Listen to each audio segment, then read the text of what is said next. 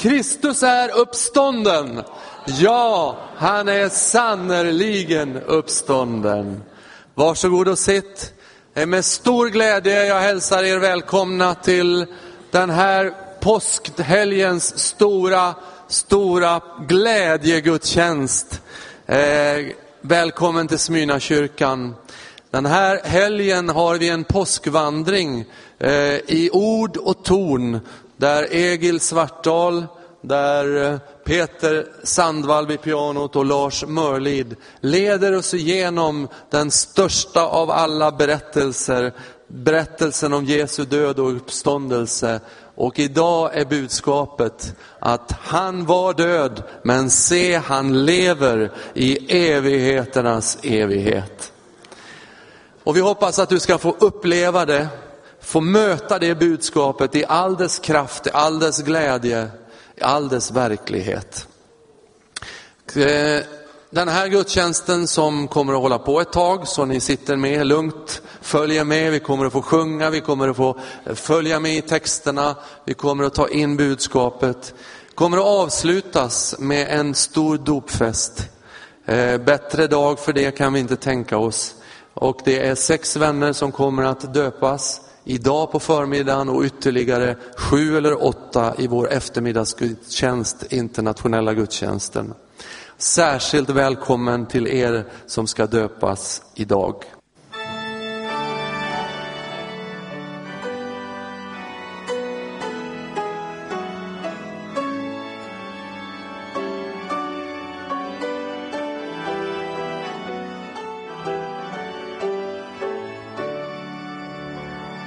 Krön honom nu Guds lam med många kronors glans.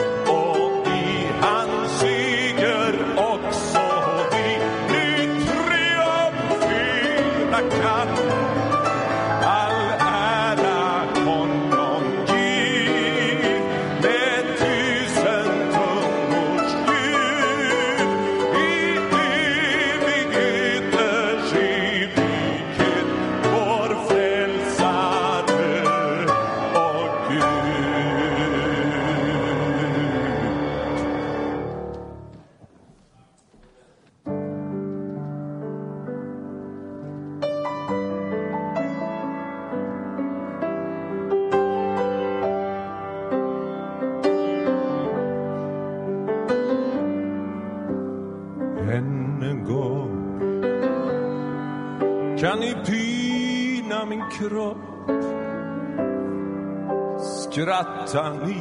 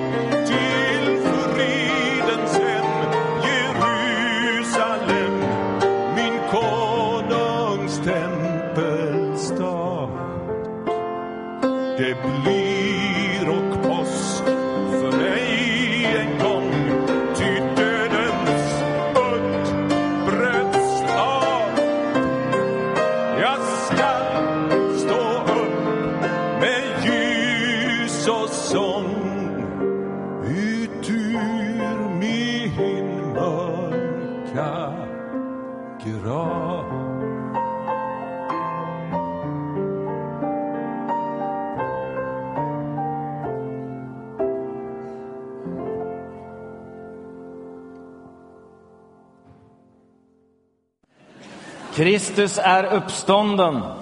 Ja, han är uppstånden. Det var bättre.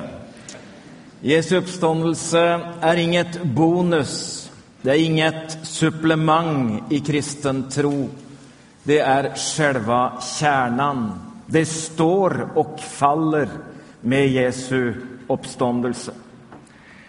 Aposteln Paulus han tänker vad hade hänt om Kristus inte hade uppstått? Då säger han, ja, då är vår förkunnelse tom och tom är också vår tro. Och då visar det sig att vi har vittnat falskt om Gud. Och då är vår tro meningslös. Och vi, vi är ännu kvar i våra synder. Och då är vi de mest ömkansvärda bland människor. Om Kristus inte har uppstått, säger Paulus, då finns det ingen uppståndelse från de döda för någon. Då har vi inget hopp om gensyn med våra kära. Då kan Jesus heller inte komma tillbaka. Och då finns inget hopp om en ny himmel och en ny jord. Men på ett tidspunkt så slutar Paulus att tänka på vad som hade hänt om Kristus inte var uppstånden. Så säger han, men nu har Kristus uppstått från de döda. Halleluja. Jag tycker att vi ska proklamera det här tillsammans. Ska vi resa oss ännu en gång så säger vi de här orden som Jesus säger i Uppenbarelsesboken som en proklamation för varandra, för änglar och om det finns demoner som lyssnar idag så ska de höra detta från våra mun och vårt hjärta. Nu i Jesu namn. Var inte rädd. Jag är den första och den sista och den som lever. Jag var död och se, jag lever i evigheters evighet och jag har nycklarna till döden och till dödsriket. Amen. Vi har gjort en påskvandring sedan skärtorsdag och en påskvandring som vi har gjort den och vi har försökt att följa Jesus så tätt som möjligt från eh, timme till timme, steg för steg, betyder att vi har lagt mer vikt på den yttre berättelsen än den inre berättelsen. Mer om vad som hände, när det hände, hur det skedde, mer än varför det skedde. Ska vi göra en kort resumé på, från långfredagen. Vi avslutade långfredagsgudstjänsten med att Jesus ropar på korset vid tretiden. Eh, I det där det stora mörkret släpper taget och han ropar, det är fullbordat. Det är då förhänget brast, där då jorden skakade och klipporna rävnade och där då gravor öppnade sig. Halleluja. Korsfästelse brukar ta mellan 24 till 48 timmar. Men nu skulle påsksabbaten komma och de religiösa ledarna, de ville inte att de här kropparna skulle hänga och korsfästas under sabbaten. Så de ville att eh, man skulle avbryta korsfästelsen och få de här att döda, eh, att dö tidigare än förväntat. Så de fick gå till eh, Pontius Pilatus, till landshövdingen, och fråga, för vi eh, framskynda korsfästelsen så att de dör fortare än förväntat? Och de fick tillstånd till det, så de bröt sönder benen på de två rövarna så att när de hade brutit benen på dem så sjönk de ihop och de kvävdes. Ehm, men när de kom till Jesus på det mittersta 3 så såg de att han redan var död. Han hade utandat och övergiven sin ande till Fadern, för ingen kunde ta hans liv. Han gav sitt liv för oss. För att vara säker så satt, stack de ett spjut in i hans sida och de visste väl inte att de på det sättet uppfyllde två av de profetiorna som blev uppfylld på långfredagen. Och det var både att hans ben inte skulle brytas och att de skulle se upp till honom som de har genomborrat. Bara på långfredagen blev 29 profetior uppfylld genom Jesus. Inte av honom själv bara, men genom hans fiender, de religiösa ledarna och även romerna uppfyllde profetierna. När de såg Jesus och såg hans sår i sidan och Johannes skriver att ut kom det vatten och blod, så tänker Johannes symboliskt. Här kommer kyrkans, församlingens liv.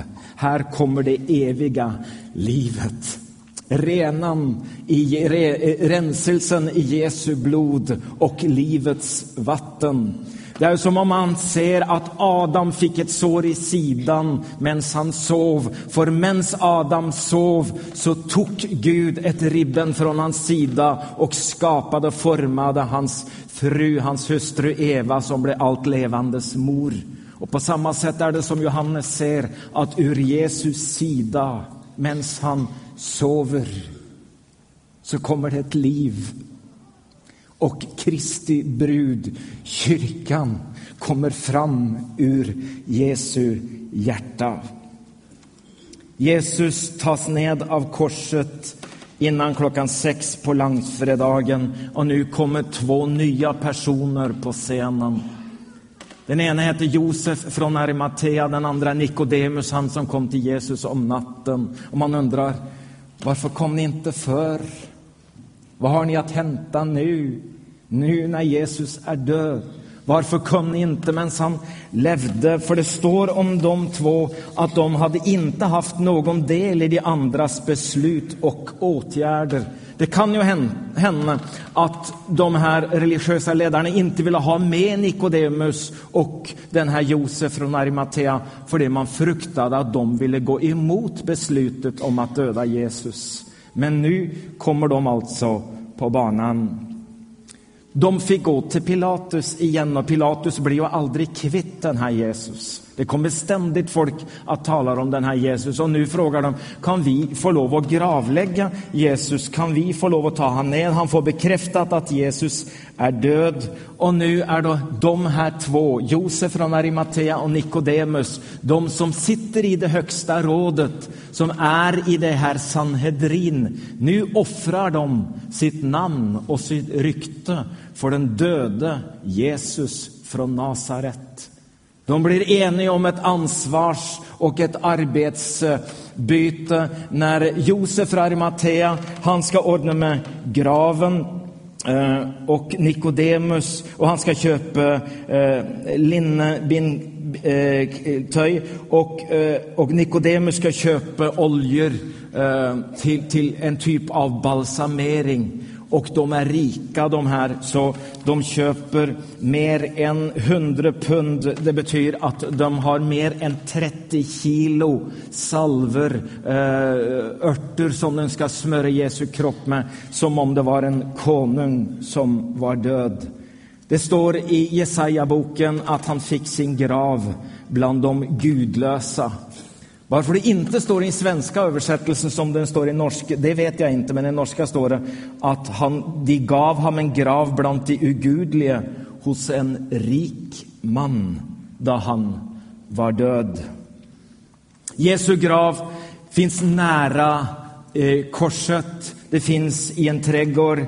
Det finns en klippegrav som är utgrävd i klippan. Den här graven är stor, så stor att det finns två rum i den. Ett rum vart man lägger den döda och ett rum vart de sörjande kan sitta i graven och sörja, vart, vara nära den döda. Sen så har man en stor sten som man välter eh, föran graven för att stänga igen graven. Och disciplarna eller lärjungarna, vad gör de? Det står om dem att du, de sörjar och gräter. Det är påskafton. Vi vet ju inte mycket vad som händer bak död och grav. Men Jesus har gett oss några spår. Han har ju sagt till rövaren på korset, sannolikt, idag ska du få vara, mig, vara med mig i paradiset. Aposteln Peter skriver att hans kropp dödades, men han gjordes levande i anden så, så han kunde stiga ner och predika för andarna i deras fängelse. Alltså ser vi att det finns aktivitet bak död och bak grav. Det är inte så lugnt och stilla som vi tror. Det finns någonting bakom där som händer nu. Det är att Jesus har, har med paradis att göra, men också med dödsrike, för vi läste tillsammans i stad. Det står här att hans kropp dödades, men han gjordes levande i anden och så kunde han stiga ner och predika för andarna i deras fängelse. Och så står det, var inte rädd. Jag är den första och den sista och den som lever. Jag var död och se, jag lever i evigheternas evighet och jag har, vad är det han har? Jag har, vad är det han har? Det ser ut som om det finns en maktöverdragelse i dödsriket bakom död och grav. När den döde Jesus, som är livet, han som inte mörkret kunde omsluta och han som inte döden kunde binda. När han kommer till dödsriket så vet döden att det är han som har dödat döden och att han kan ta nycklarna, makten över döden och över dödsriket. Halleluja! Döden har mistat sin brodd. Halleluja för det. Vi, vi säger i trosbekännelsen att han blev pinad under Pontius Pilatus, han blev korsfäst, död och begraven och så säger vi ned. Vi säger nederstigen till dödsrike. På den här påskafton så tänker de religiösa ledarna någon som lärjungarna ser ut att ha glömt. Det är att Jesus har talat om att han inte bara ska dö, men han ska uppstå. Och det kommer de religiösa ledarna eh, ihåg. Och då får de ett problem. Det är inte då att de tror att Jesus vill stå upp från de döda, men de fruktar att disciplarna ska komma, äh, lärjungarna ska komma ihåg det här och sen så ska de komma och ta Jesu döda kropp och så ska de sätta ut ett rykte att Jesus har stått upp från de döda. Så nu får Pilatus besök igen. Ja, det gäller den här Jesus från Nasaret. Man blir liksom aldrig färdig med Jesus. Han kommer liksom igen på olika sätt genom olika människor hela tiden. Och ja, det gäller den här Jesus från Nasaret. Ja, vad är det med honom nu? Nej, vi har kommit ihåg att han har talat om att han kanske skulle stå upp från de döda. Vi tror ju inte på det, men vi fruktar lärjungarna och så vidare. Vi måste ha vakter kan vi få vakter vid graven och det måste vara romerska vakter, inte eh, judiska eller religiösa vakter. Vi måste ha romerska vakter och de får en vaktstyrka, de får soldater och de får till och med ett romerskt segel. Säger man segel? Sigel? Sigel. Ja. Ni vet vad det är, va?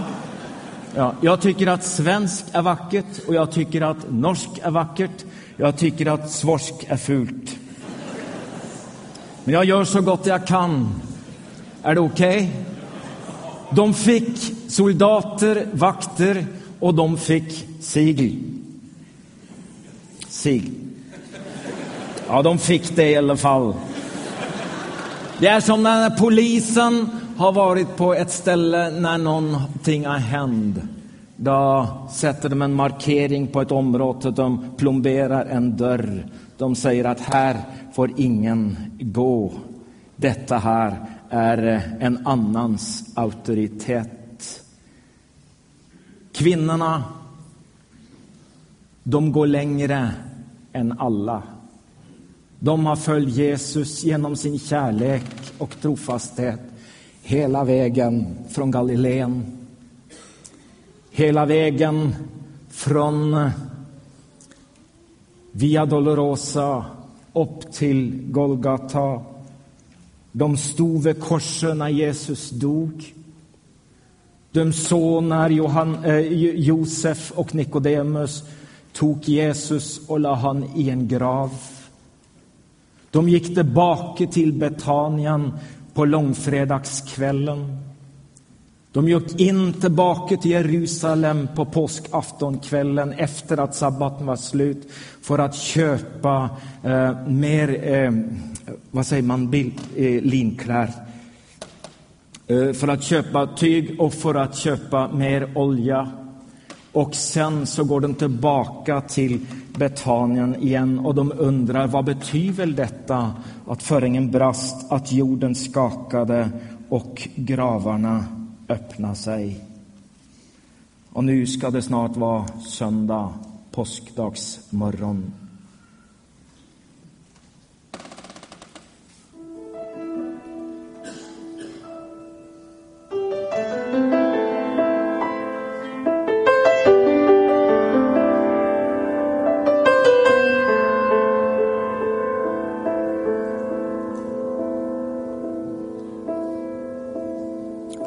Kärleken vaknar tidigt. De kunde inte vänta till det blev ljust. De eh, går från Betanien mot Jerusalem med sina kläder, tyg och med sina oljor mellan klockan tre och klockan sex på påskdagens morgon. De har ett problem. De tror att de bara har ett problem.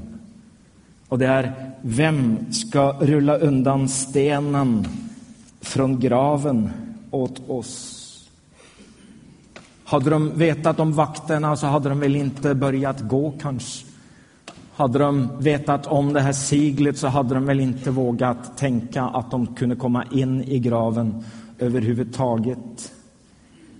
Men det de talade om och det de tänkte på var vem ska vi få att eh, eh, rulla undan steven, stenen från graven åt oss. Men det finns en som har varit där för dem och det står plötsligt då blev det ett kraftigt jordskälv, ty Herrens ängel steg ner från himlen och kom och rullade undan stenen och satte sig på den. Hans utseende var som blixten och hans kläder vita som snö. Jag vet inte vart det här jordskalvet kom från. Kan det ha varit ett slags eko av uppståndelsen? Det vi vet, det var att det inte var så att, att man måste ha stenen bort för att Jesus kunde komma ut men man måste ha stenen bort för att vi kunde komma in och se vad som hände. När det här händer med det här jordskalvet och den ängeln som, som, som rullar undan stenen, då är kraften så stor av detta att alla soldaterna, vakterna, de föll på marken som om de var döda. Det är han som har sagt, jag går framför dig och jämnar ut bergen. Kopparportarna krossar jag, järnbommarna slår jag sönder. Det finns så mycket där framme vi bekymrar oss för om vad som kan hända.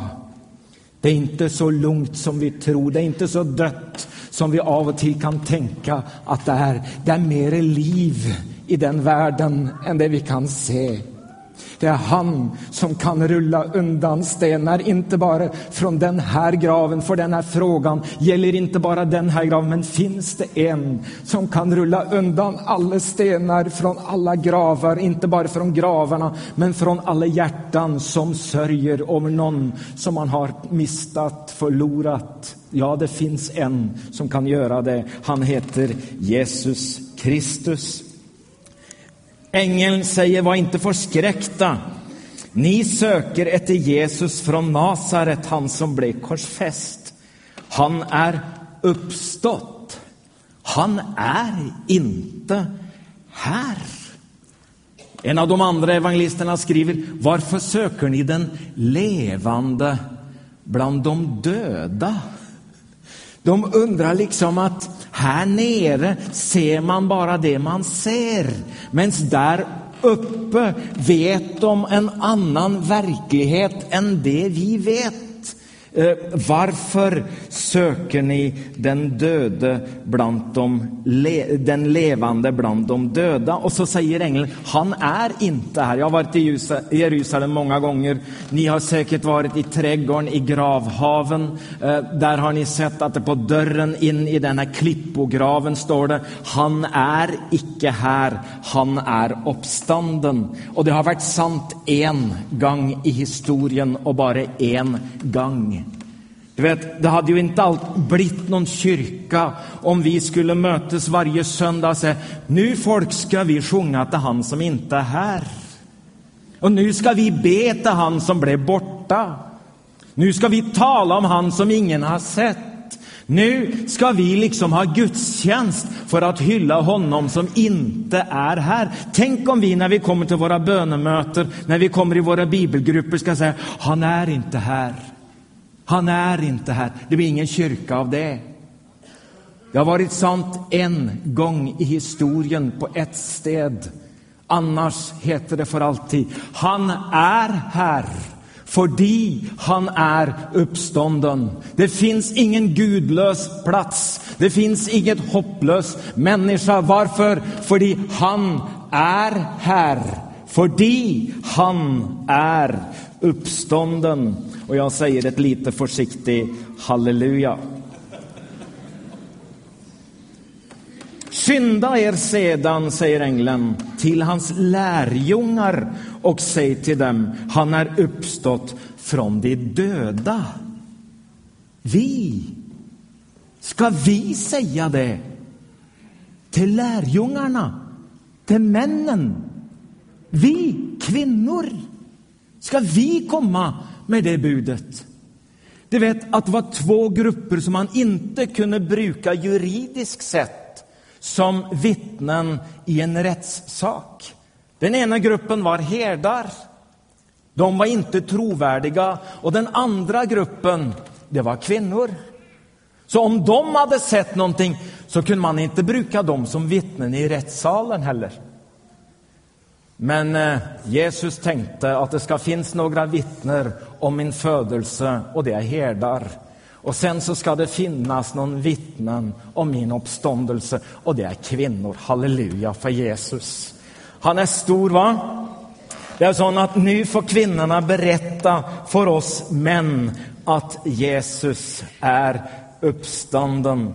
De kommer till eh, de här, eh, de kommer till de här Eh, männen eh, och så säger de att man ska säga till lärjungarna och till Petrus eller till Petrus och lärjungarna. Och det är ju bara Markus som har fått med sig den här lilla grejen att han ska säga det till Petrus och lärjungarna. Jag undrar ju efter det som hände där bak i gården om Petrus inte var tillsammans med lärjungarna. Om man inte visste, om man hörde med längre efter det som hade hänt. Att han var ensam någon plats i Jerusalem. Eller om lärjungarna undrade, vi vet inte vad vi ska göra med Petrus efter att han förnekade Jesus, om han liksom är räknad med. Han är här, men han är liksom inte densamma och han är inte en av oss på samma sätt längre. Och då säger ängeln det här. Säg till Petrus. Alltså, det ska inte så stora hälsningen till från Guds sida, för jag känner att han vet vem jag är. Han vet hur jag har det. Han vet att jag behövde ett litet livstecken, att han, han räknar med mig. Säg det till Petrus och till lärjungarna. Och de går, de här kvinnorna, och berättar. De har ju bara sett en tom grav, ja. De har mött en ängel som har sagt att han inte är här, men han är uppstånden. Eh, de säger att, att vi måste berätta detta. Och så står det faktiskt de gav sig iväg och berättade för dem som varit tillsammans med honom, alltså lärjungarna, männen, och som nu sörjde och grät. Och så står det, när de fick höra att han levde och att hon hade sett honom trodde de inte på det. Jaha, det var uppståndelse. Var, var, det liksom själva budskapet som var för stort eller var det budbäraren man inte helt trodde på? Det var ju trots allt kvinnor. Du vet, Emmausvandrarna, de som går till Emmaus senare på dagen, de säger ju till den här främmande som går vid sidan om dem, nu har några kvinnor bland oss gjort oss uppskakade. Men det är ju bara kvinnor. Alltså, de är ju så känslomässiga de. Så vi vet ju inte helt om vi kan räkna med det. Det står i Lukas 24.11 så står de tyckte att det bara var prat. Kvinnfolkprat, säger vi i Norge. Löst snack. Kvinnor, bara prat.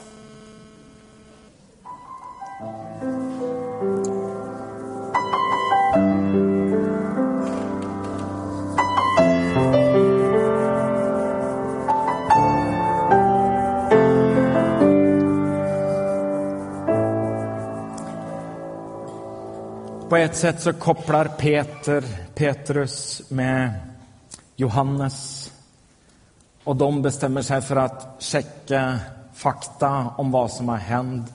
Så Petrus och Johannes bestämmer sig för att gå till graven och kolla om verkligheten stämmer, om graven är tom. Eh, vi tror väl att Johannes var yngre och kanske lättare och kanske bättre tränt, så han kommer först till graven. Han stannar utanför graven och tittar in och ser någonting som för honom är ett mirakel.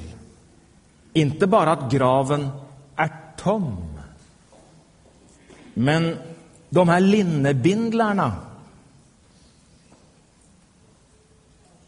de är inte uppsurrade, alltså man tänker 30 kilo olja smörd in i de här lindebindlarna. Hur ska man få ut den döda kroppen av detta? Men när Johannes står och ser in så ser han som om det finns en larve omtrent som har gått ut av en puppe. Det är som om Jesus har fördampat ur den här linnebindlarna med all den här oljan. Och han står och ser på detta mirakel. Då kommer Peter löpande. Han är inte typen för reflektion, Peter. Så han löper rätt in. Här finns ingen eftertanke, knappast någon tanke innan. Han ska bara in och kolla. Han är den typen, va? Det står ju på någon annan plats i förbindelse med den här att han skulle bygga tre hytten. Att, uh, det, uh, ja, han sa ju på ett ställe där att det säger den ena evangelisten att han visste inte vad han skulle säga. Och då skriver den andra evangelisten, han visste inte vad han sa.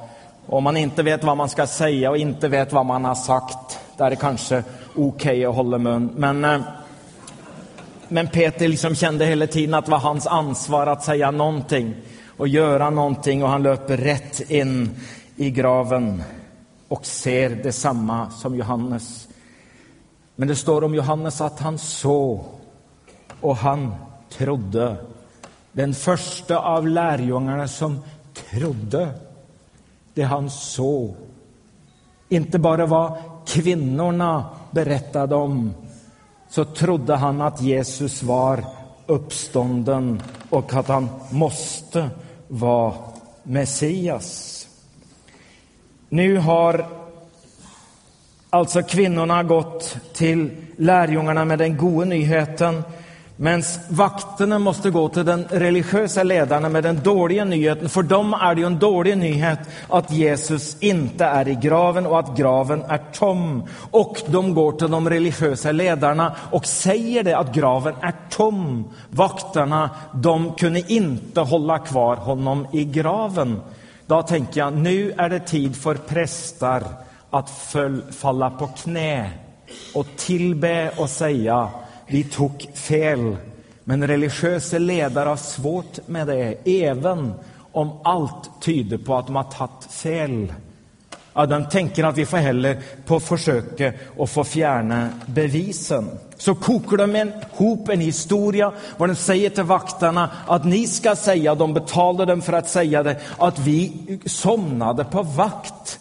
Vet att man måste sova rätt så gott om man ska vara en, en, en, gäng med soldater och vakter som somnar samtidigt med att någon kommer och tar bort den här sigeln, samtidigt med att någon rullar bort stenen, samtidigt med att någon bär ut en död kropp som har kommit igenom de här 30 kilo salver och med de här bindlarna, så måste man ju kunna betala folk för att säga sånt, men man kan ju inte betala folk för att tro på sånt. Och det är Lord Charles Darling, en tidigare eh, domare vid Högsta domstolen i England, som fastslår följande när han ser på fakta kring uppståndelsen. På plussidan, som en levande sanning, finns det sådana överväldigande bevis, säger Charles Darling. Positiva och negativa, verkliga och beroende på omständigheterna att ingen intelligent jury i världen skulle kunna missa att få fram ett domstolsutslag om att uppståndelsen verkligen är sann.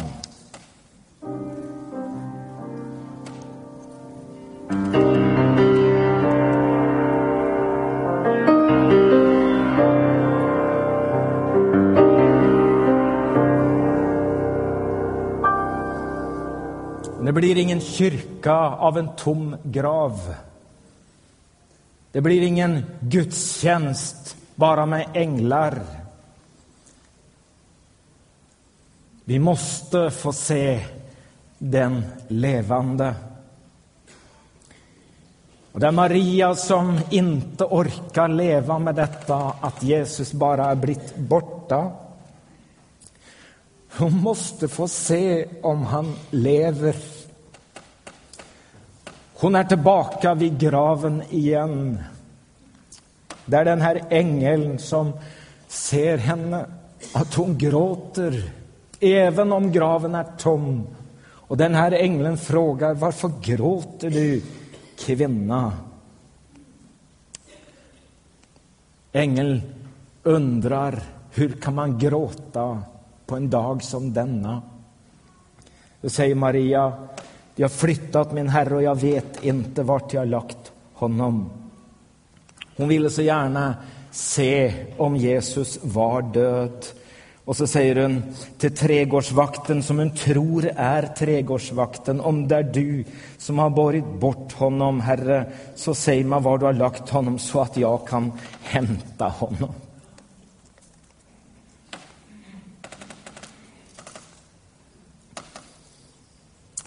Då hör hon plötsligt sitt namn. Maria.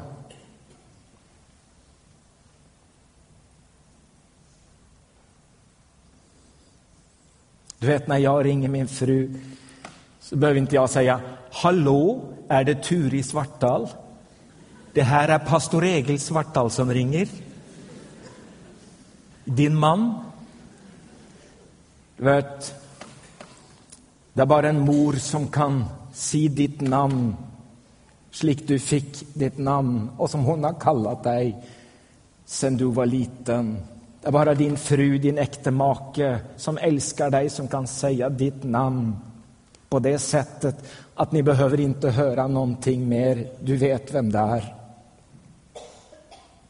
Och ingen hade någon gång sagt Marias namn vackrare, mer respektfullt, mer kärleksfullt, mer ömt än det Jesus hade gjort. Och nu hör hon sitt eget namn bli sagt, Maria. Hon vände sig om och sade till honom, Rabuni, det hebreiska och det betyder mästare. Det är han som säger, var inte rädd, jag har friköpt dig. Jag har gett dig namn, du är min. Så förstår hon att det här är inte trädgårdsvakten, det här är Jesus. Det är inte bara en tom grav, det är inte bara änglar eller röster. Men den levande har ett ansikte. Han har stått upp från de döda och han lever. Han är här för han är uppstånden.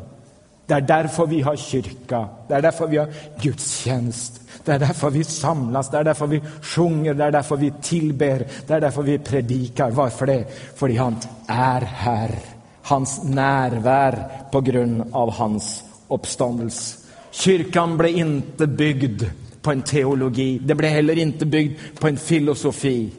Den blev byggd på vittnesbördet från människor som sa vi, vi har sett Herren.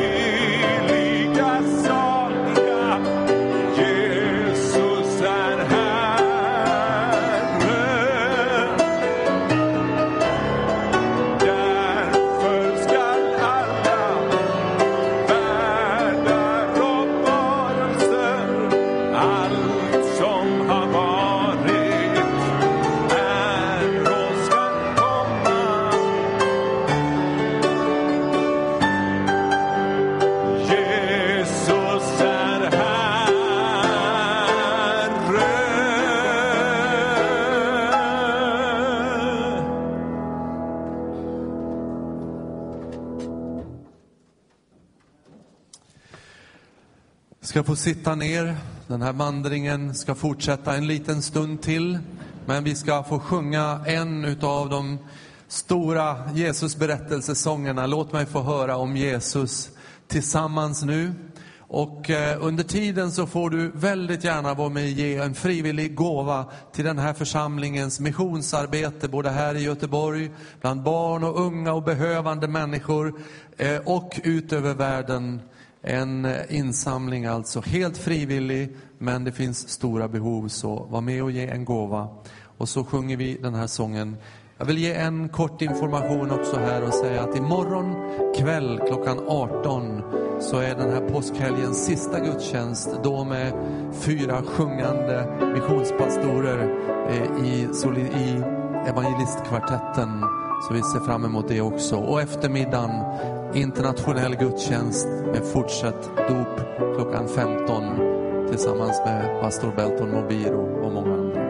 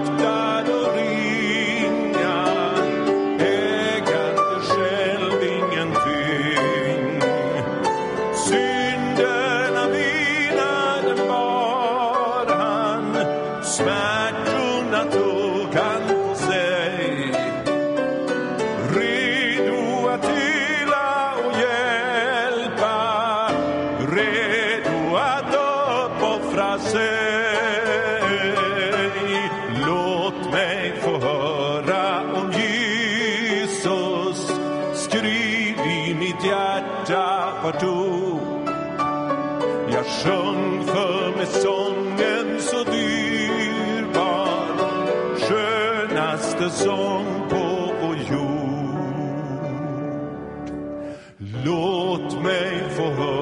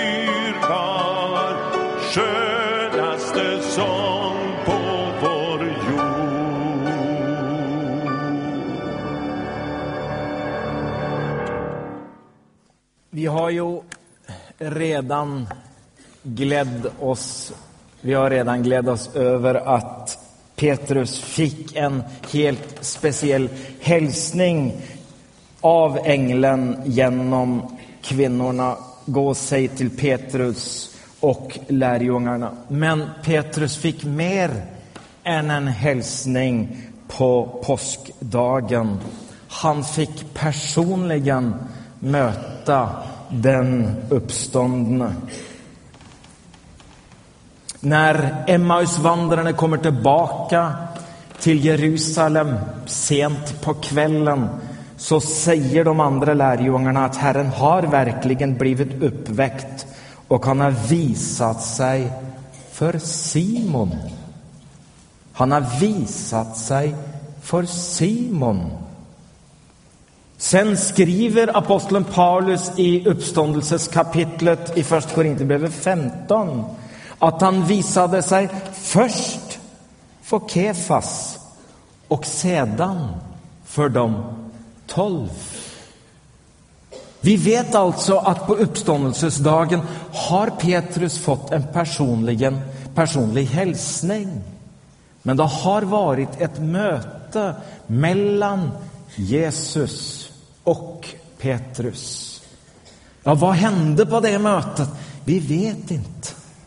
Vad sade de på det mötet? Vi vet inte det. Det är inte alla möten som skall refereras.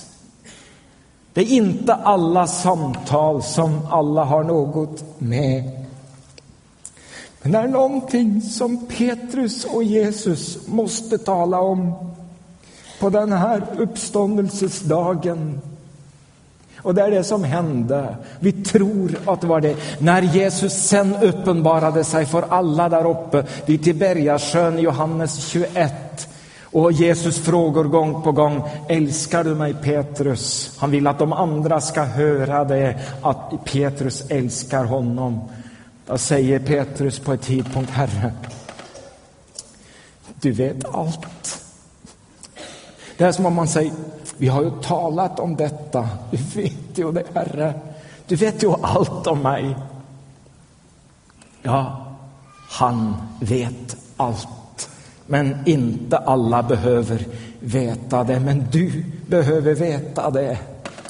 Att han räknar med dig, att han även på denna dagen vill ha ett möte med dig, inte bara i en kollektiv gudstjänst, men att han verkligen vill möta dig ansikte till ansikte. Nu är det söndag eftermiddag och två av hans discipler, lärjungar, står samma dag var det två lärjungar på väg till en by som ligger en mil från Jerusalem och en som heter, och som heter Emmaus samma dag. Det var en underlig dag att lämna Jerusalem och lämna gemenskapen. Jag vet inte om man har hört några kvinnor tala om att en grav är tom, att de har sett en ängel, att Johannes och Petrus har sett att de här linnebindlarna är tomma, att Maria till och med har mött den uppståndne. Det är en underlig dag att lämna gemenskapen. Man kunde ha sagt, jag tror vi blir en dag till för att se vad som händer. Nu är det någonting på gång här. Men när sorgen och smärtan är så stor att när hoppet är knyst och man tror att Gud är död, där är det ju som om inte evangelium eller goda nyheter riktigt slår igenom. Jerusalem är 800 meter över havet. Emmaus är på havsnivå.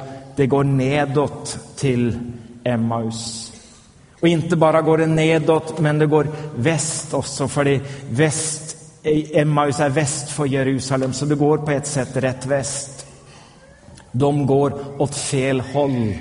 Du vet, solen den går ned i... Ja, nu, nu vet jag inte vad som händer i Sverige, men...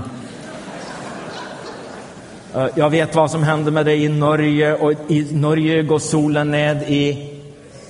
Ja, den går ner i väst. Och den går upp i... Ja, visst. De gick in i solnedgången, in mot mörkret. När de bygger kyrkorna så bygger de alltid kyrkorna öst-väst. Ingången är alltid från väst. Man ska komma från mörkret och in i kyrkan. Altaret ligger alltid mot öst. Vad händer i öst? Jo, det är soluppgången. När vi pingstvänner kommer in i en kyrka och ser att det bara är en halvcirkel där, så tänker vi, jaha, de hade vi inte råd med mer. Det är så dyrt med sådana cirklar. Då vet ju de som har byggt kyrkorna att man ska tänka sig att bakom altaret, inne i den osynliga världen, finns den andra halva av den här cirkeln. Och tillsammans med dem som har gått bakom och in, inte i det okända, men in i det osynliga, firar vi gudstjänst i ljuset från han som står upp från de döda och kommer med en ny morgon och med en ny dag till oss alla. De var på väg åt fel håll, de gick nedåt och de gick in i mörkret. Men det står allikevel om Jesus att han kom och slog följe med dem. Jag har lust att säga till dig idag, det är din frihet att vända Gud ryggen. Det är din frihet att lämna församlingen. Men det är också hans frihet att inte lämna dig. Även om du går åt fel håll och även om du är på väg in i mörkret så vill han följa dig för att tala med dig. Och den här främmande mannen frågar, vad är det ni talar om? Nej, vi talar om det som har hänt i Jerusalem. Och han säger, vad har hänt i Jerusalem? Då säger de, du måste vara den enda i Jerusalem som inte vet vad som har hänt de här dessa dagarna. Han är den enda som vet vad som har hänt. De tror att det är de som vet och att han inte vet. Men det är de som inte vet och det är han som vet. Inte bara vad som har hänt i Jerusalem och inte bara vad som har hänt i det synliga. Men han vet vad som har hänt i det osynliga. Han vet vad som har hänt i dödsriket den dagen. Han vet vad som har hänt i paradis den dagen. Han vet någonting som de inte vet. Och han börjar tala med dem om vad som står om honom. Och det står i min bibel och då sade han, förstår ni så lite, är ni så tröga till att tro det som profeterna sagt, skulle han inte Messias lida detta och gå in i sin härlighet. Och med början hos Mose och alla profeterna förklarade han för dem vad som står om honom överallt i skrifterna.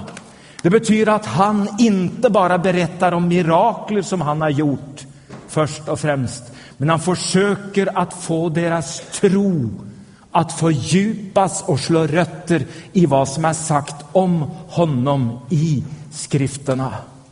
Och efter 1,2 eller 12 kilometer så är de framme vid Emmaus och han låtsas som om han vill gå vidare. Han vill ju inte det, men han vill inte tränga sig på det heller. Men då har det skapat någonting inom dem. Du vet någonting som vi behöver veta. Du har sett någonting som vi vill se. Du måste berätta. Förbrant icke vårt hjärta medan han talade med oss och han öppnade våra hjärtan och öppnade skrifterna för oss. Och så sa de, bli med oss in, Jesus. För det var något som gjorde att de inte kände igen honom.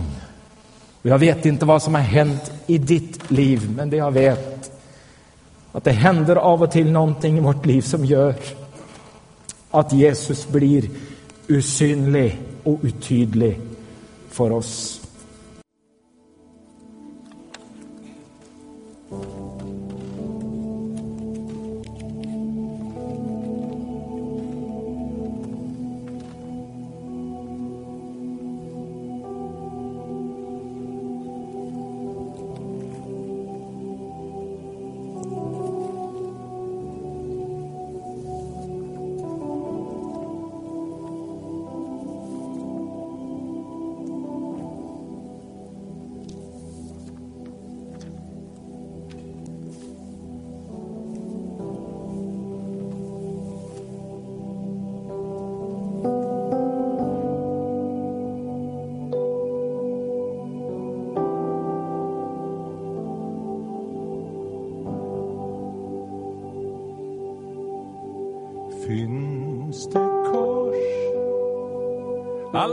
Allt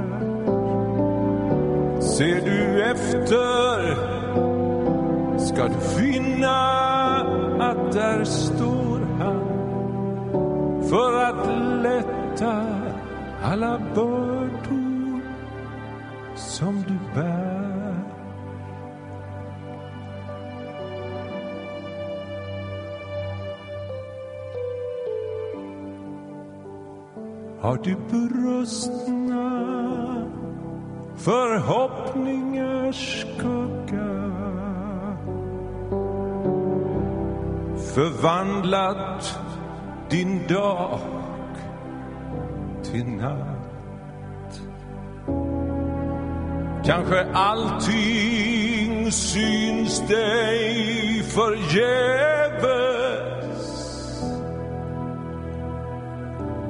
och trons låga flämtar så matt.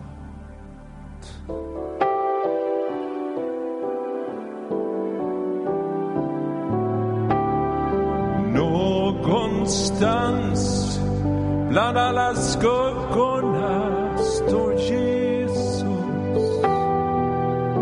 För att hjälpa dig i nöden är han där.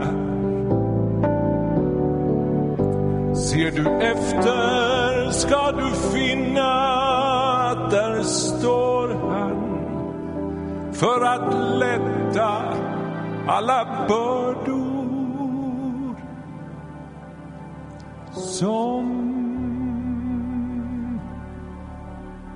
du bär.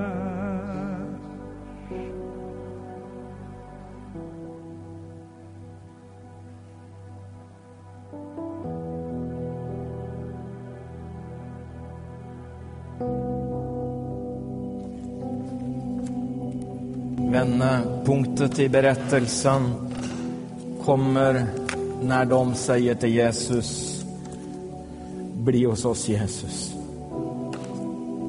Kom in i vårt hem.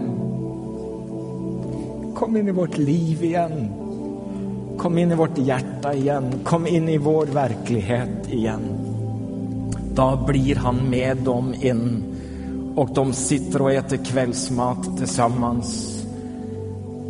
Och där när han tar brödet, jag vet inte vad som händer, om det är sårmärken i händerna de, som de ser. Eller om det var sättet han alltid bröt brödet på när de var tillsammans. Men någonting gjorde att när de såg hur och med vilka händer han bröt brödet, då kände de, det är Jesus. Han lever. Han är här. Han är hos oss. Det är han som har gått med oss på vägen. Det är han som har talat med oss utan att vi visste att det var han. Det är Jesus. Och så kommer de att tänka på, och med en gång de tänker det är Jesus och de känner igen honom, då blir han osynlig för dem. Men det gjorde inget. Nej, nej. Har man sett honom kan man aldrig glömma det.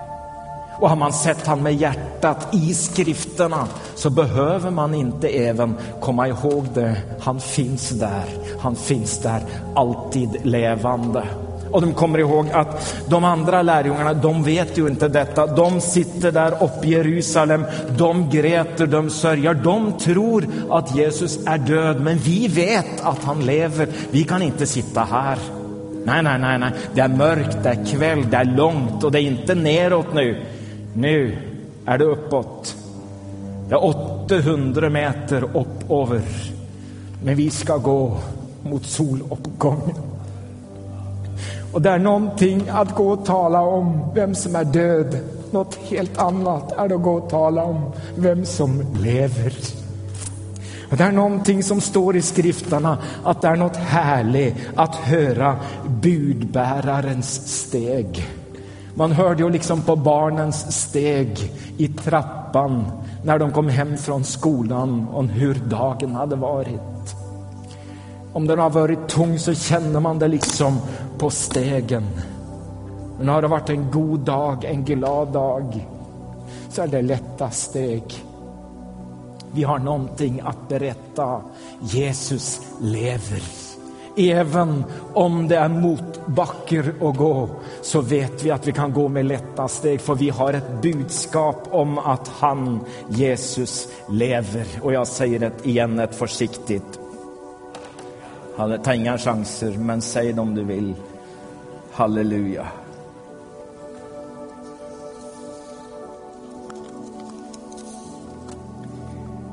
Det som händer när de kommer tillsammans. Knackar på dörren upp i Jerusalem, gläder sig till att berätta detta som de vet. Så blir det ett möte där uppe i Jerusalem som liksom tar helt av. För det de där uppe i Jerusalem har hört, det är ju att Petrus har berättat att han har sett Jesus. Och Maria har berättat att hon har sett Jesus. Och nu kommer de här från Emmaus och säger att de har sett Jesus. Och de har ett vittnemöte när de berättar om att de har sett Jesus. Och de talar i munnen på varandra. Plötsligt, plötsligt så står Jesus själv mitt ibland dem. Och så lyfter han sina händer. På samma sätt som översteprästen alltid gjorde när han kom ut i den stora försoningsdagen när offret var gitt och översteprästen hade gått in i det allra heligste. Och om offret var tagen emot, du vet att översteprästen hade en sån här rep runt fötterna så att om han om Gud inte ville ha offret och översteprästen dog där inne så skulle man kunna träcka ut honom som död för man hade ju inte lov lov att gå in där. Men om översteprästen kom levande ut efter möte med Gud då stod folk och väntade utanför och då lyftade översteprästen händerna och så sa alltid översteprästen Shalom. Det är frid. Det är frid mellan oss och Gud, för Gud är en försonad Gud. Nu står översteprästen mitt bland prästerna och lärjungarna i Jerusalem, lyfter sina sårmärkta händer och säger shalom. Det är frid. Det är i ordning, det är fullbordad, det är betalat. Gud är en försonad Gud. Det är shalom, det är frid, frid åt alla. Och de ser Jesus och de tar emot hans hälsning. De talar tillsammans om vad som har hänt där och så vad som står skrivet om honom i skrifterna. Samtidigt som detta händer så sker det någonting nere i templet och det ska hända den här dagen, dagen efter sabbaten när lammet är burit fram som offer. Den här dagen ska det hända någonting nere i templet och det gör det. Det är att man ska ta den första skörden av kornet och lyfta upp det inför Gud i templet. Det är kornskörden, första skörden som ska lyftas upp där nere i templet. Det blir väl inte riktigt svung på det där nere i templet den här dagen sen förhänget brast. Det är liksom som om Gud har flyttat Han finns inte längre i templen byggd med händer. Men han finns i hjärtan hos dem som tror på honom. Och vad är det han gör där uppe i den här salen i Jerusalem den här dagen? Han lyfter upp den första skörden. Elva lärjungar som tror att han är Messias. Om inte vetekornet faller i jorden och dör, då blir det bara det ena kornet. Men om vetekornet faller i jorden och dör, då blir det en stor skörd. Halleluja. Och jag tycker om att säga det här i Smyrna idag, i den här vackra kyrkan med den, de här kornaxeln som finns här på alla sidor. Jag tycker om att säga det med den här fantastiska bilden med korsen där, det tomma korset på den uppståndelsesdagen. Att det fanns en liten, men en första skörd som Jesus lyfte upp och så andade han på dem. Det jag tror som hände den där dagen i Jerusalem, det var att han som dog som den enda sonen, han stod upp som den första födde.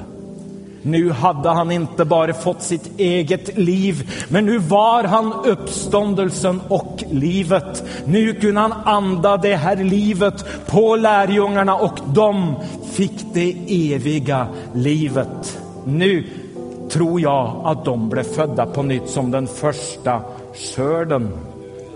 Du vet att ständigt fler människor tror att det finns ett liv efter döden, att bara man dör så ska man börja leva. Men döden kan inte ge dig liv. Det är bara en som kan ge dig det eviga livet och han heter Jesus Kristus, för han har övervunnit döden. Han är själva livet. Och så andar han på dem och så blir de levande. Ja, visst kommer de att dö, men de ska leva själv om de dör, för de bär det eviga livet. Jag tycker det är fantastiskt att vi idag ska ha dop här i Smyrna. Det finns iraner som har sett Jesus, som har hört sitt namn uttalats av Jesus i drömmar, i syner.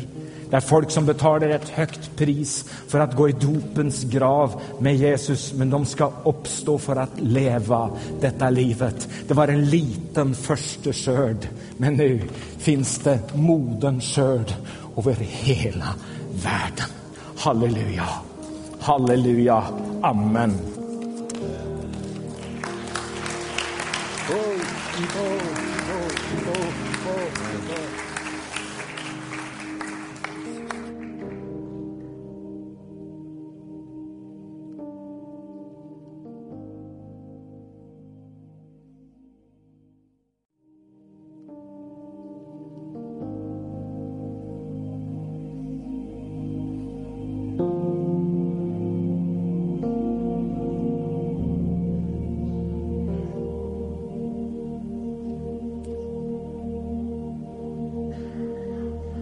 Var du med när vår Herre korsfäst blev?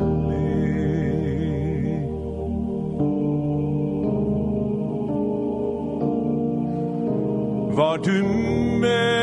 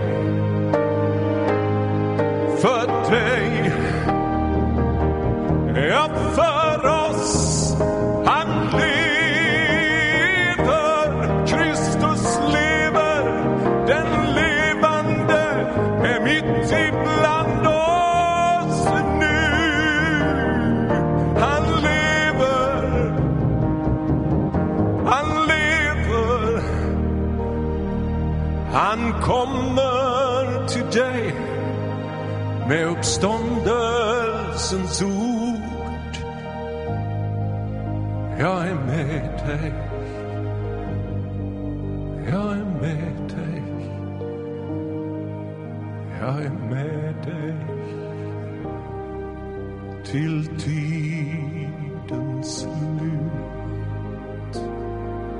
Den förste och den siste nycklarna till döden och dödsriket. Aldrig mer ska du frukta för jag lever.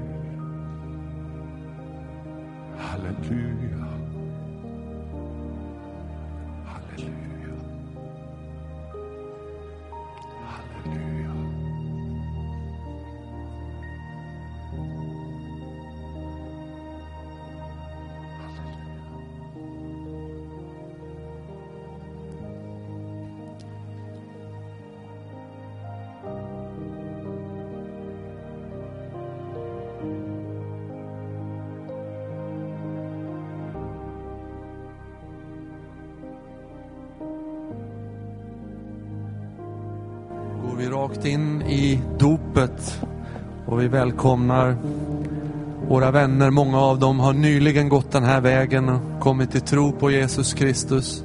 Tagit ett stort beslut med stora konsekvenser. Och glädjen i deras sång och deras lovsång bär oss också in tillsammans med våra nya vänner som idag ska gå den här vägen. Välkomna. Och medan de sjunger någon sång så välkomnar vi er fram.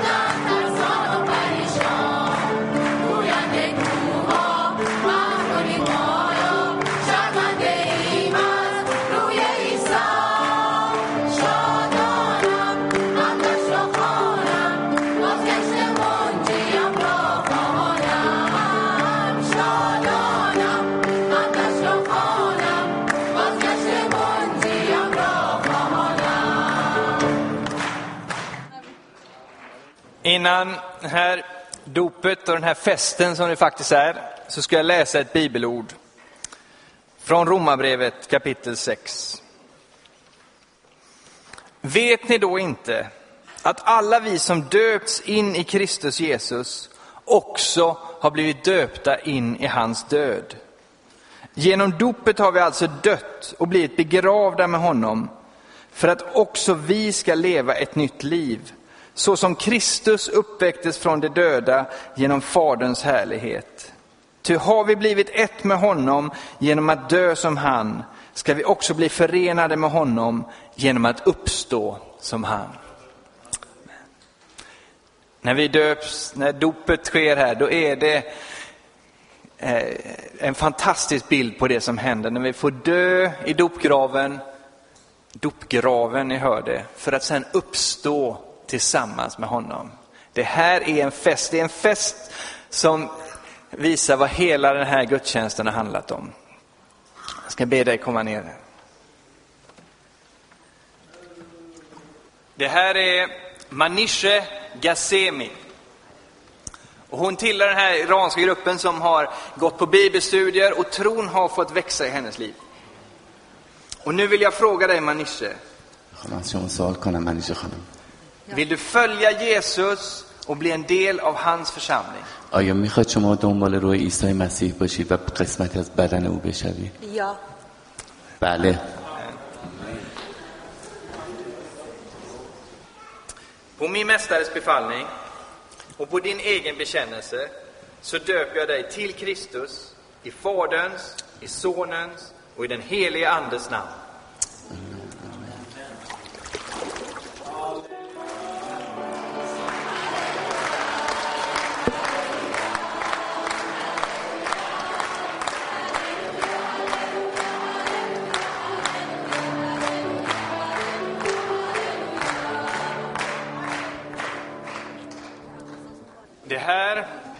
Det här är Irene Holmström.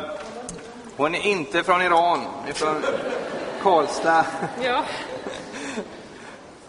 Men har varit med här drygt ett år, började gå till gudstjänsten egentligen utan att känna någon.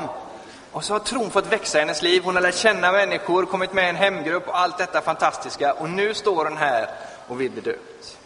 Så jag frågar dig Irene, vill du följa Jesus och bli en del av hans församling? ja, det vill jag. På min mästares befallning, på din egen bekännelse, så döper jag dig till Kristus i Faderns, i Sonens och i den helige Andes namn.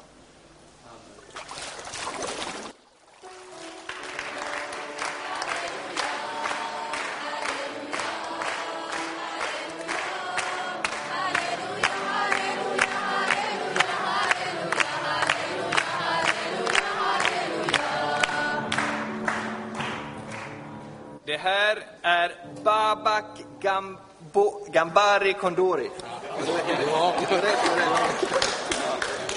Han är från Iran.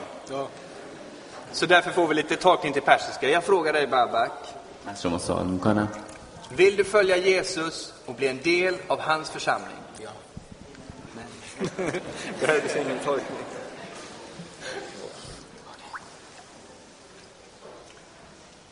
På min mästares befallning och på din egen bekännelse så döper jag dig till Kristus i Faderns, i Sonens och i den helige Andes namn.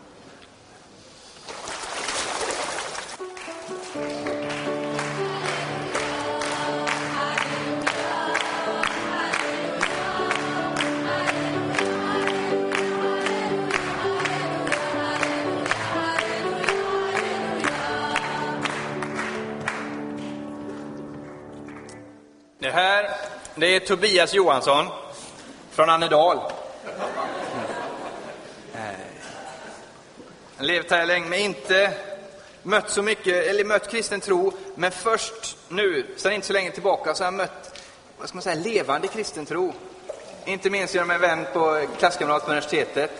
Och så har liksom tron fått växa. Och jag ska säga att den här killen var desperat efter att få döpas fort. När väl dopsanningen hade landat i honom, då ville han döpas på en gång. Och vi, det är nu som det är möjligt och nu står vi här. Så jag frågar dig Tobias, vill du följa Jesus och bli en del av hans församling? Absolut.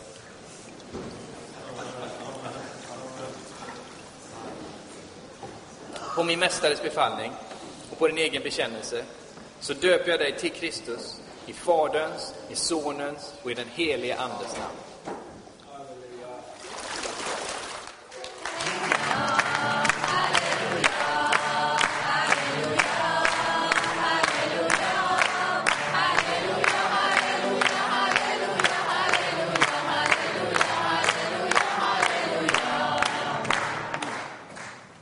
här är Reza Amir Omrane. Reza tillhör vår iransk grupp som har härlig support eh, här bakom. Och nu frågar jag dig Reza, از شما سوال میکنم vill du följa Jesus och bli en del av hans församling? میخواید دنبال روی عیسی مسیح باشی و بخشی از بدن او بشی Yes. Yes.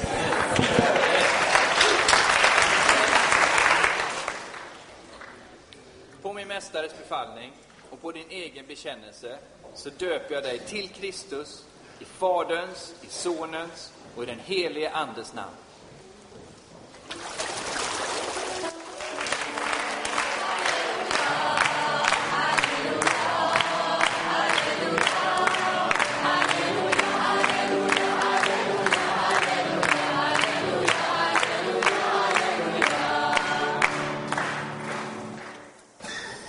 Här är Sirosh, Sirosh, Sirosh Smith.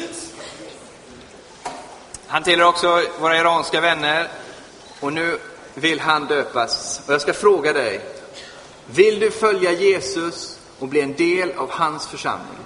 Absolut. Absolut.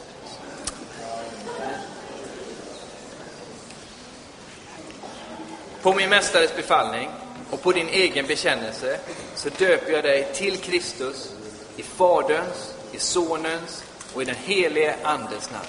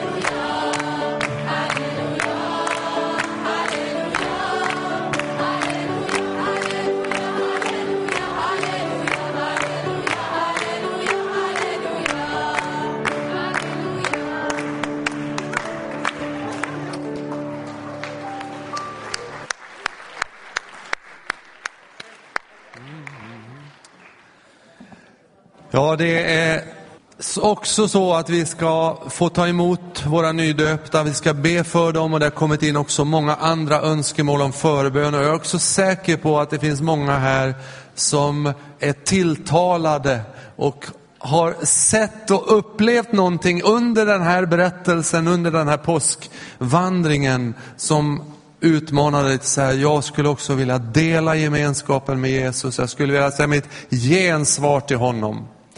Eh, och låt oss ta en stund i bön. Eh, och be för var och en, alla vi som är här.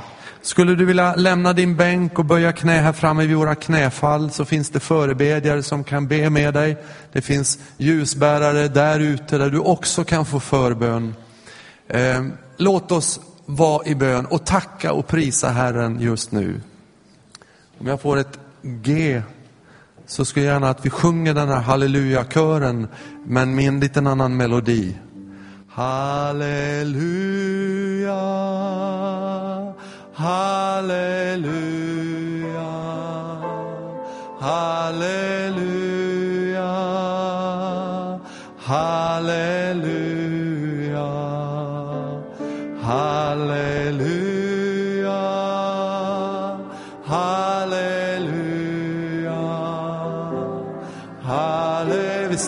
lovsjunger tillsammans.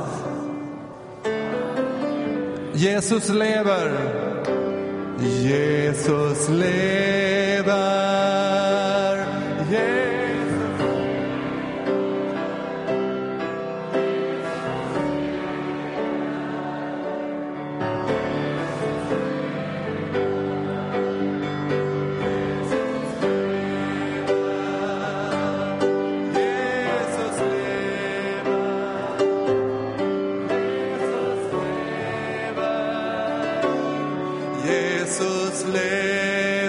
Jesus lever. Jesus lever.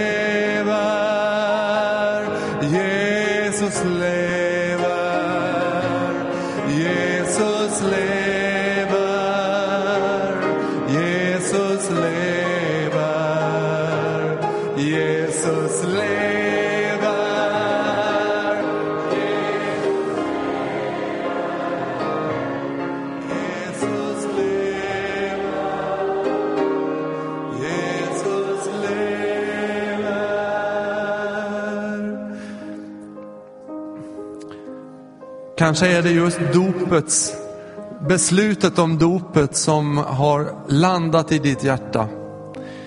Och eh, ta gärna ett steg fram i förbön här och i samtal när vi går mot slutet av vår gudstjänst.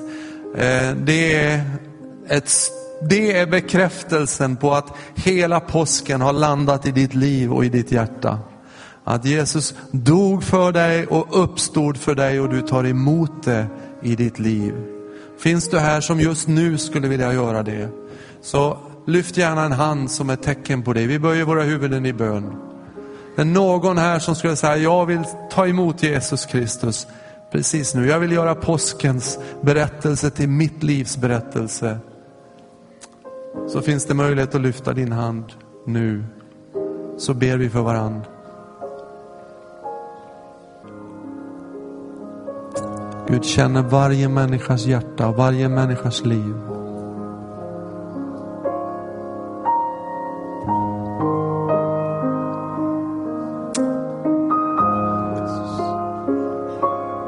Det lyfts försiktigt händer det här och var i kyrkan. Är det någon mer som vill vara med i den här särskilda stunden? Lyft din hand du också.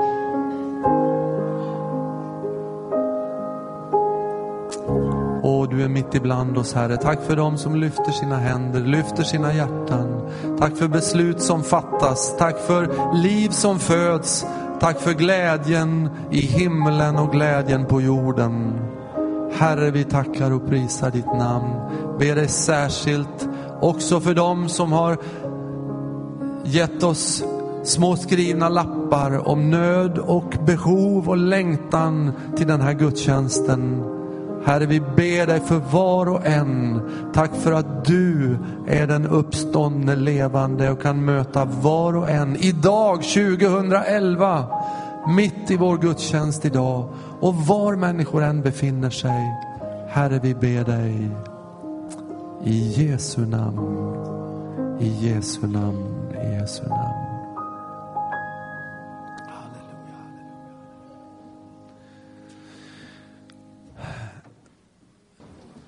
Och nu ber vi över hela kyrkan och sträck gärna era händer fram emot våra nydöpta vänner. Och Bibeln säger att om du omvänder dig och tror på Jesus Kristus ska du få del utav det nya livet och det står också ska du få den helige ande som gåva. Den helige ande som gåva. Och jag ber dig Belton att du kommer hit och leder en förbön. Kan du göra det? Herre Jesus, vi vill tacka dig för våra nydöpta vänner, Herre. Vi vill tacka dig Jesus hur du är ute att möta människor där de befinner sig. Vi vill tacka dig Herre hur din helige Ande verkar i människors liv. Vi vill tacka dig hur du drar folk åt dig själv Herre. Nu Jesus lämnar vi över de människor till dig Herre. Vi ber att du ska bevara dem, leda dem, fyll dem med din heliga Ande och kraft Jesus. Jag ber att de ska vara ett ljus till deras uh, uh, äh, familjer och deras landsmän också. Herre, vi tackar dig att de ska växa i tro mitt i, i församlingen, Herre. Vi vill tacka dig för alla andra människor du vill dra in i församlingen, Herre. Vi vill tacka dig för det du gör här i vår församlingen, här i vår stad Göteborg. Vi ber Jesus att din härlighet ska bli sedd överallt, Herre. Vi prisar dig och vi tackar dig, du är den uppståndne Jesus. Du är med oss, du aldrig lämnar oss. Du är här att uppenbara din kraft, du är här att uppenbara din härlighet och vi tackar dig för det du gör. Och välsigna alla Jesus. Vi vill tacka dig för den underbara gudstjänst vi har haft, vi har haft idag. Vi vill tacka dig för påskens budskap, Herre. Vi vill tacka dig att du är här Jesus, att fylla oss och hjälpa oss i allt vi går igenom. Välsigna oss Herre mer och mer. Vi tackar dig för den vecka som ligger fram. Herre, att du ska välsigna den vecka som ligger fram. Hjälpa oss, heligande, leda oss, visa oss vilken väg vi ska gå. Vi prisar dig Herre. Och jag ber gode Gud att genom din heligande, om det finns någon här som inte känner dig Jesus, som har inte överlåtit sig till dig Herre, att du ska möta dem i Jesu namn. Oh, halleluja. Heligat vara ditt underbara namn Jesus. Amen. Halleluja. Tack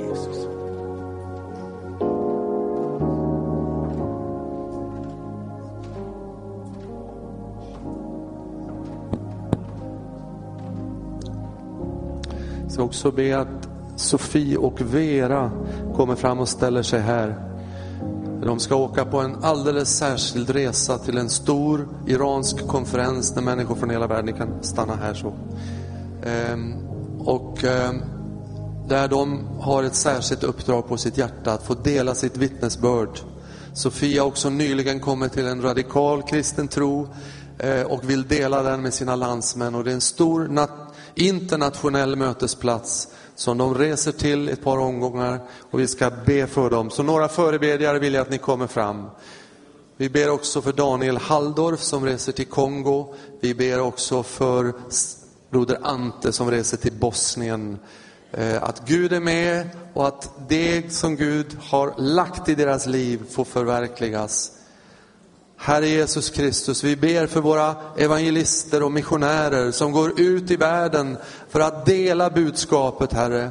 Tack för det som har skett i deras hjärtan. Tack för Sofie här, Herre. Tack för att du välsignar hela hennes familj. Du välsignar hela hennes livssammanhang. Och låt henne också i de sammanhang där du möter henne och där du använder henne, får låta henne vila i din ledning och omsorg. Vi ber dig för broder Ante som åker till Bosnien och, och Daniel som åker till Kongo.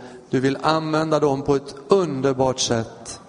I Jesu namn, i Jesu namn. Amen, amen, amen, amen, amen. Får jag be alla er som blev döpta att ni kommer upp här till mig bara en liten kort stund tillsammans med andra medlemmar här som ska välkomnas idag och som har blivit inbjudna. Vi vill bara att ni kommer och ställer er tillsammans med mig här. Det är så vackert att höra era namn. Jag vill bara säga också från hela församlingen ett stort och varmt välkommen in i gemenskapen. Och nu får ni säga era namn. Anette Eklund heter jag. Jag heter Babak. Teresa. Manje. Irene. Och Tobias. Ska vi ge dem en varm applåd?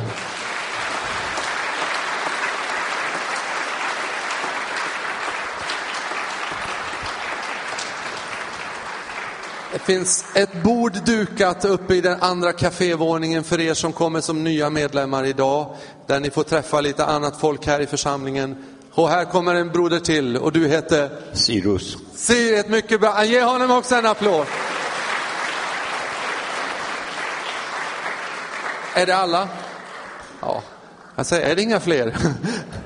Men det är väldigt roligt att få vara pastor och få välkomna nya människor in i gemenskapen och att leva i något som jag skulle vilja säga är en väckelseperiod när människor från olika delar av världen här i Göteborg tar emot Jesus i sina liv.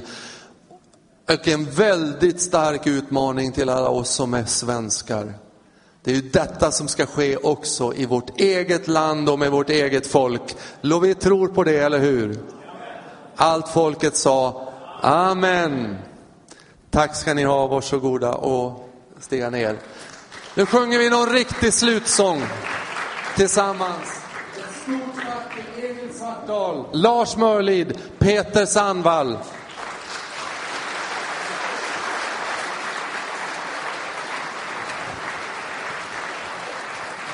En påsk vi aldrig ska glömma.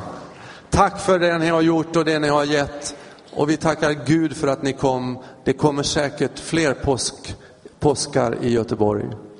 Välkomna. Tusen tack. Vi står upp och slutar med en av de mest förhoppningsfulla och samtidigt med tyngd färgade påsksalmerna vi har. Och du gör den till din jubelsång och går ut med den klingande i ditt liv. Kristus lever. Ge Jesus äran.